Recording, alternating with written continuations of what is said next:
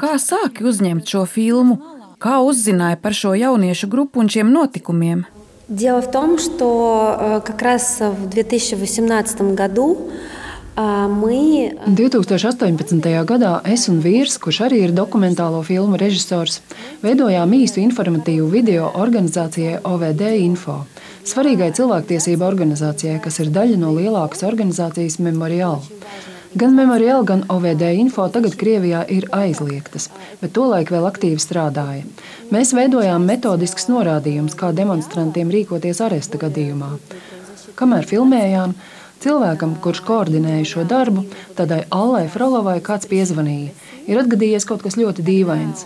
Un viņa mums teica, draugi, aizbraucam uz preses konferenci. Tur būs arestēto vecāki, būs žurnālisti. Mēs aizbraucām. Tā bija preses konference, ko var redzēt filmas sākumā.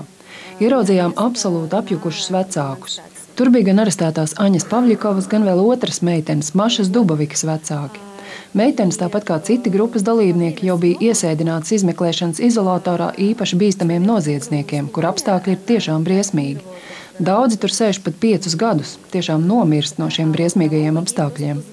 Blakus Aņai, kamēr viņa sēdēja, nomira sieviete gados. Tur sēž arī grūtniecis, kaut gan tā ir īsta spīdzināšana.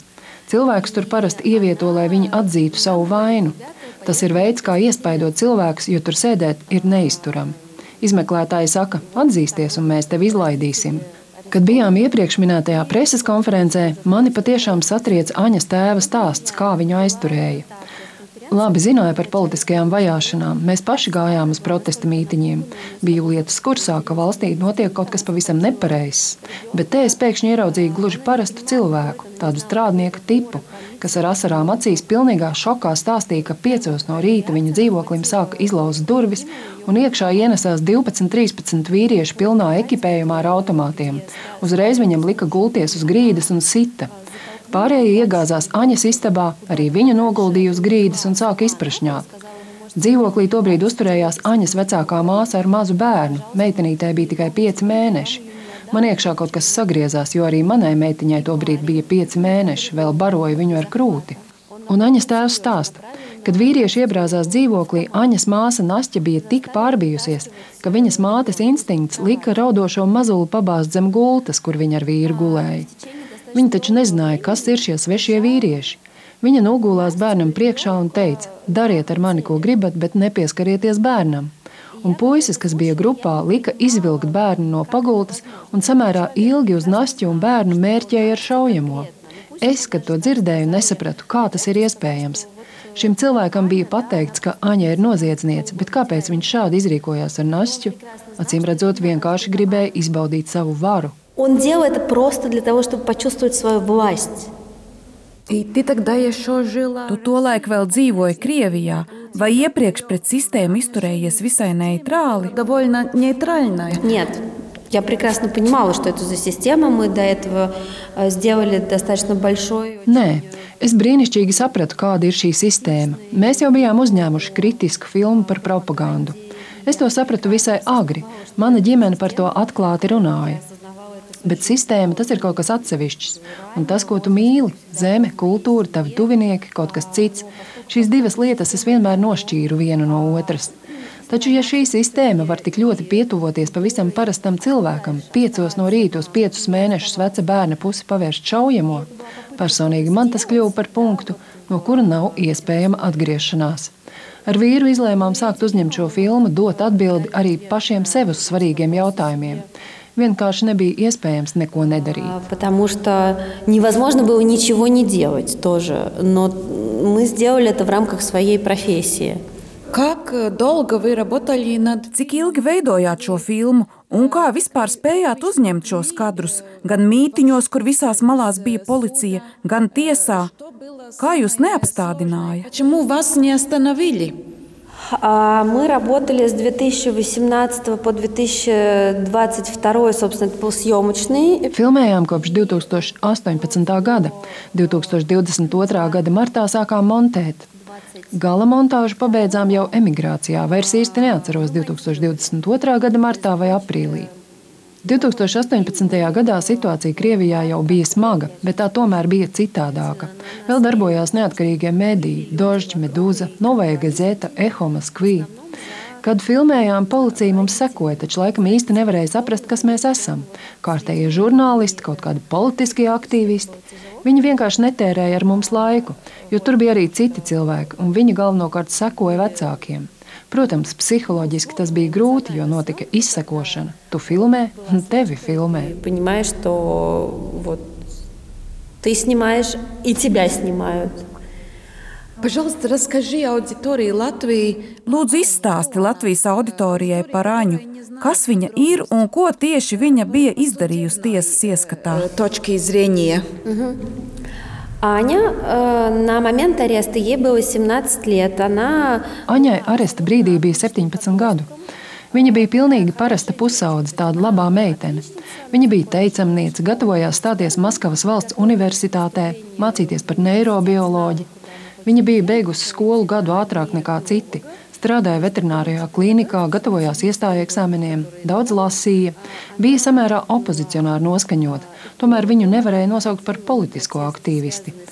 Viņa Maskavā piedalījās protestos, kas saistīti ar ekoloģiju, arī dažos mītiņos, Aleksēna Navaļnija atbalstam. Jā, viņa tomēr bija samērā opozicionārs pusaudzis. и в целом она была очень оппозиционным подростком. И Даже насколько- Arī salīdzinot ar viņas vecākiem, Родителей. А, Родители, они, э, какая была история? Папа был оппозиционно настроен, он поддерживал не Vecāki. Tēvs bija opozicionāri noskaņots, atbalstīja Ņemcovu, piedalījās mītiņos. Māma līdz Aņas arestam bija apolitisks cilvēks. Viņai ir izkaisītā skleroze, nopietna slimība, kad grūti staigāt. Kad viņai uzstādīja diagnozi, viņa aizgāja no darba, veltīja sevi abiem bērniem, pēc tam mazmeitiņai. Protams, kad arestēja Aņu, viss mainījās. Arī Juļa ieņēma ļoti aktīvu pozīciju. Bet par likuma pantu viss sākās ar nevainīgām spēlītēm Telegram chatā. Es pat tad vēl nezināju, ka tādas eksistē. Tā dēvētās lomu spēles, kam nav nekāda sakara ar politiku. Pusauģis sev izdomā dažādus tēlus. Es būšu zebra, bet es žirafe, un es vienradzis. Izdomā savu pasauli. Aņa bija zebra. Tad kādā brīdī viņa čatā iepazinās ar Mašu, otru meiteni, ko arestēja. Maša bija politiski aktīvāka. Viņa Aņu uzaicināja vēl citā čatā, ko sauca Besetka, jeb saruniņa, un tur viss arī sākās. Tur pusauģi runāja arī par politiku. Viņi pārsvarā bija opozicionāri noskaņoti un kritizēja Putinu. Tad kādā brīdī saruniņā parādījās Ruslans D., kurš tur sāka provocēt tādas asākas vārdu apmaiņas, politizētas apspriedes. Izveidoja jaunu čatu šaurākam lokam, ko savukārt aizvirpināja jau līdz tikšanās reizēm klātienē. Un te nāk pats interesantākais. Krievijā ir likuma pants, kas ļauj arestēt jebkuru, kurš cilvēku grupā kritizē valsts iekārtu. To sauc ekstrēmiskā kopiena. Sots ir līdz desmit gadiem cietumā. Pēc šī panta arī arestēja Aņu un pārējos. Tas ir izdevīgs masveida arestiem, ļoti līdzīgs juridiskajiem formulējumiem Staļina represiju laikā. Bet ekstrēmiskā grupa šis apzīmējums ir visai izplūdis. Galvenais, lai tas būtu kolektīvs, kam ir politiskā programma un tikšanās vieta, kur notiek valsts kritizēšana. Neko vairāk nevajag. Ruslans D. noīrēja biroju, kur ļaudis varēja savākties, un sāka viņus slepeni filmēt. Daudz brīnās, kā uzfilmētais materiāls, kur viņi neko nelikumīgu nedara, var būt viņu vainas pierādījums. Bet tieši tā, viņi satikās, un pats Ruslans D. uzrakstīja organizācijas nolikumu, piespēlēja to Kosteļenkovam, puisim, kurš bija visharizmātiskākais. Meitenes viņā bija iemīlējušās. Viņam nebija tēva, mamma agri nomira, un viņš ļoti ticēja Ruslanam D. Viņš bija aktīvs puisis, kurš negribēja nodzerties, bet gribēja darīt kaut ko labu. Ruslans D. izprovocēja, lai jaunieši dotos pamētāt molotovu kokteļus. Viņi tos meta vienkārši pret sienu. To visu safilmēja. Juridiski tas ir gatavošanās grupā vardarbīgām aktivitātēm valsts iekārtas gāšanai. Viss lieta ir gatava. для свержения власти. Все, дело готово. А почему Руслан? kāpēc Ruslanam D. vajadzēja to visu izdarīt? Надо было. За это хорошо платят. Это просто деньги, он штатный сотрудник, и таких очень много. Par to ļoti labi maksā. Viņš ir štata darbinieks. Tādu ir daudz. Galvenokārt tie ir IT speciālisti, jo šīs lietas tagad notiek internetā. Viņi iefiltrējas opozīcijas čatos, atrod tur cilvēkus, nav pat jāsatiekas. Tas, kas Staļina laikā bija virtuves pasēdēšanas, kur arī iefiltrēja cilvēkus, tagad risinās internetā. Tas ir daudz vienkāršāk un efektīvāk. Nu, Un kāpēc valstī vajadzēja šādu prāvu? Vai tas bija režīma paraugu demonstrējums? Kas ar cilvēkiem notiks, ja viņi nebūs paklausīgi? Конечно. Это государство пожилых людей. Jā, protams. Tā ir padzīvojuši cilvēku valsts, kuri ļoti pat neprātīgi baidās no jaunajiem. Nav pietiekami skaidrs, no kā vairāk baidās - no iekšējās opozīcijas vai no kādiem ārējiem spēkiem - NATO. Manā skatījumā vairāk baidās no iekšējās opozīcijas, jo resursu daudzums, ko tā tērē tās apspiešanai, ir milzīgs. Esmu tam liecinieks. Propagandas mašīna, kas aprīja milzīgus līdzekļus, milzīgs daudzums policijas, apspiež pat sīkākos centienus cilvēkiem nostāties pret režīmu un izteikt savus viedokļus. Tēriņi tam var būt pat lielāki nekā padomju laikos. Protams, tas bija iebaidīšanas paraugu process, bet tikai viens no daudziem. Tādu ir ļoti daudz. И просто один из процессов. Таких дел очень много. Таких дел очень много. Да. Tādu ir daudz, bet ārzemēs par to nezina. Vēl jau vairāk tagad, kad ir izskausta neatkarīgie mediji. Нет независимых СМИ. Да. Сейчас с началом полномасштабной войны. Jā, kopš pilna mēroga kara sākuma, kopš 2022. gada februāra, ir bijis milzīgs daudzums politisku represiju iesēdina pusauģus, pavisam jauniņus, iesēdina arī sirmgalvjus, iesēdina vientuļos vecākus, kam atņem bērnus, vienkārši par izteikumiem pret karu. Pēdējais gadījums, kas plēš pušu dvēseli, mazpilsētā, manuprāt, ķumeņas apgabalā, meitene skolā, 7. vai 8. klasē, zīmēšanas stundā uzzīmē Ukraiņas karogu, mammu ar bērnu, uzrakstīja: Krievijas armija nenogaliniet bērnus. Viņu, protams, izsauca pie direktora, pēc tam uz policiju. Pārmeklēja viņas mājas. Izrādās, viņa dzīvo tikai ar tēvu, bet viņš vēl pirms tam vietnē Adnoklasņiki bija ielicis pretkara vēstījumu. Viņam jau ir administratīvais sots. Ar to pietika, lai pret tēvu ierosinātu lietu un ieliktu viņu izmeklēšanas izolatorā, bet meiteni patversmē. Sibīrijā tas pats notika ar pensionāri, kuras dēlam ir veselības problēmas. Tādas šausmīgas, nežēlīgas lietas, kas salauž dzīvi ne tikai pieaugušajiem, bet arī bērniem. Pēc tam pret viņiem izturas kā pret tautas ienaidnieku bērniem. Vēsture atkārtojas, un tas ir skumji. Что, конечно, очень очень печально. Наверное, даже не, не надо спросить. Laikam pat nav jājautā, cik liela bija neatkarīgo mediju loma šo lietu publiskošanā. Arī tavā filmā var redzēt telekanāla dožģu logotipu. Lietoja materiālus, ko viņu darbinieki veidoja vēl tad, kad varēja strādāt Krievijā. Им разрешалось работать в России. Да, это были материалы также и настоящего времени. Tur bija arī nastajašie vrēmja materiāli. Mūsu bija maz, un mēs viens otram palīdzējām. Preses konferencē filmas sākumā var redzēt piecus, sešus žurnālistus no visiem opozīcijas medijiem. Mums pašiem likās, ak, Dievs, cik maz, bet tagad saprotam, ak, Dievs, cik mēs bijām daudz, jo Krievijā vairs nav palicis neviena. Tavai ģimenei arī nācās emigrēt. Пока мы временно живем в Израиле, потом, возможно, переедем куда-то в Европу. Jā, mēs pagaidām dzīvojam Izrēlā, pēc tam iespējams pārcelsimies uz Eiropu. Mūsu vecāki joprojām ir Krievijā dažādu iemeslu dēļ negrib aizbraukt. Viņi jau ir cilvēki gados, viņi tur ir iesakņojušies. Man ir veca vecmāmiņa, māma galvenokārt netiek prom viņas dēļ. Manai vīramātei ir līdzīgi, ļoti smaga situācija, jo mūsu meitiņa nevar satikt savas vecmāmiņas. Viņa nevidz savus babušus, Izrēlā varat turpināt strādāt.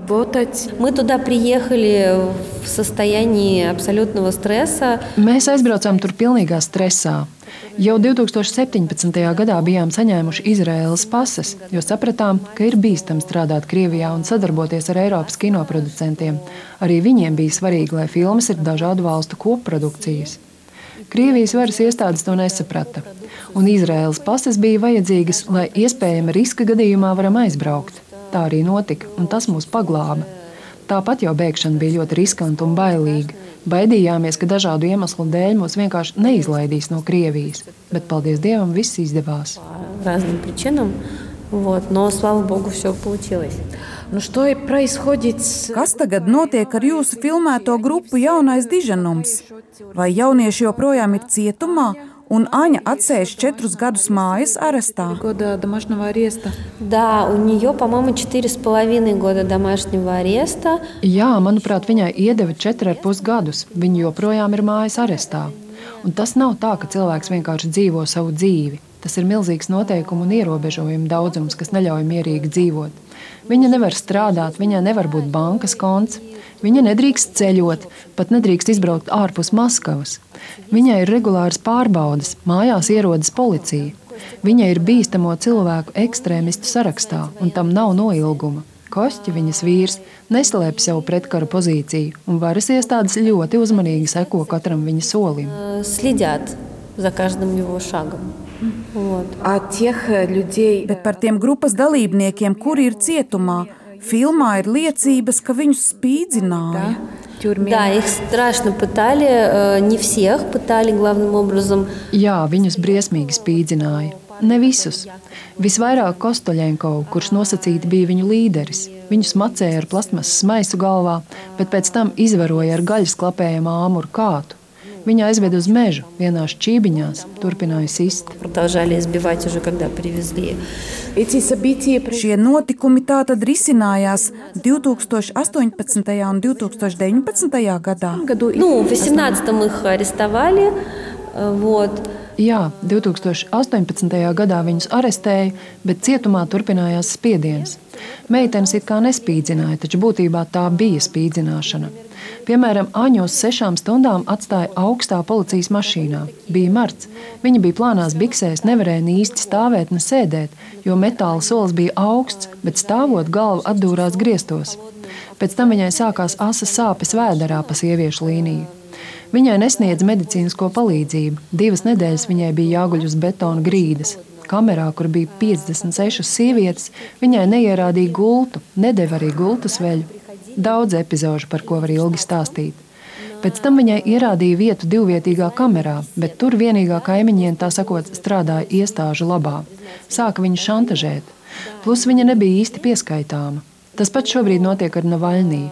Tev ieliek kamerā ar psihiski slimu cilvēku, un viņš var ar tevi darīt jebko. Neviens nepierādīs, ka. Un vēl pie viņas un pārējiem periodiski uz pārunām ieradās štata darbinieki, centās ar draudiem izdabūt pierādījumus. Viņu nesita, bet iedomājieties, viņai ir 17, un pastāvīgi pie tevis nāk divi vīrieši, kuri draud, ka tevi iesēdinās uz 25 gadiem. Tu iznāksi jau kā večiņa, nevienam nebūsi vajadzīga. Filmā ir arī aina, kur ir īsumā izstāstīts par Rebrovski, puisi, kurš padevās un nodeva citus. Ну, признал, дал признательные показания на остальных. Вы сейчас больше не живете в России? Jūs vairs nedzīvojat Krievijā, un ir sācies karš. Vai kopš tā laika šādu represiju skaits ir pieaudzis? Но Просто есть статистика, а, и я знаю, Ir statistika, un es zinu arī konkrētas lietas. Represiju skaits ir būtiski pieaudzis. Valsts nav novirzījusi domas tikai uz karu. Valsts ir patiesi aizrāvusies ar šīm represijām. Tie ir paralēli procesi. Tas, kas notiek šobrīd, tā ir diktatūra, kas kā konvejers samaļ savus pilsoņus. Ja agrāk bija lielākas iespējas palīdzēt šiem cilvēkiem, tagad to ir daudz mazāk, bet politieslodzīto daudz vairāk. политических заключенных гораздо больше. вот что привлекло мое внимание. Pamanīju, ka šādos notikumos ļoti bieži iesaistīti jaunieši, jeb tomēr vecumam nav nozīmes. э, Значение. Конечно, это сопротивление молодости. М- Молодые люди Protams, tā ir jauno cilvēku pretestība. Viņi Krievijā ir dziļā krīzē, neredz perspektīvu, nesaprot, kur iet. Krievija ir aizvērta pasaulē. Manī tas rada dziļas sāpes tieši šo jauniešu situāciju, kam ir 16 un mazliet vairāk. Jaunieši vēl pavisam nesen nebija tik iebaidīti kā vecākā paudze, kam tomēr ir lielāka izpratne par represijām un arestiem. Jaunieši vairāk lieto internetu, tas ir galvenais faktors. Viņi ir vairāk orientēti uz attīstību, uz atvērtību. Viņi saprot, kas ir valsts vardarbība. Tāpēc tā ir jauniešu sacelšanās, kas šobrīd vienkārši tiek saknē nocirsta, un tas ir šausmīgi. сейчас просто давятся на корню, и это ужасно. Фестивала, когда люди Festivālā publika aplaudē, skatās filmu ar tādu kā antropoloģisku interesi. bet šie cilvēki sēž cietumā. Сидят в тюрьме. Это очень тяжело. Э, Это такой риторический вопрос. Tas ir ļoti smagi, tāds retorisks jautājums. Brīžiem ir licies, kāda tam visam jēga. Ir bijuši depresīvi stāvokļi, kad saprotu, komanda tērē milzīgi daudz spēka. Tas ir smags darbs, arī emocionāli smags. Bet ir bijuši arī tādi svarīgi brīži, piemēram, Sarajevas filmu festivālā, kur pēc filmas moderatori pateica, ka zālē ir arī tās varoņi. Mums izdevās tur uzaicināt Aņas māmu Juļu un vīru Kostju Kotovu, kurš jau arī ir atbrīvots no apcietinājuma. Visa zāle viņiem kājās stāvot ilgi aplaudēja, Juļa raudāja. Arī man bija būtiski, ka viņi to piedzīvoja Bija tāda milzīga atbalsta sajūta. Likās, varbūt arī viņiem ar to būs vieglāk dzīvot tālāk tajā sarežģītajā situācijā, kurā viņi atrodas. Viņi atgriezās Krievijā. Domāju, rezultātus parādīs laiks. Mēs vienkārši fiksējam realitāti, veidojam kroniku, kas būs svarīga arī noziedznieku meklēšanā. Jo ļaudis, kas tā izrīkojās ar jauniešiem, ir noziedznieki. Viņiem ir jāsaņem sots. Потому что эти люди преступники, они должны быть наказаны.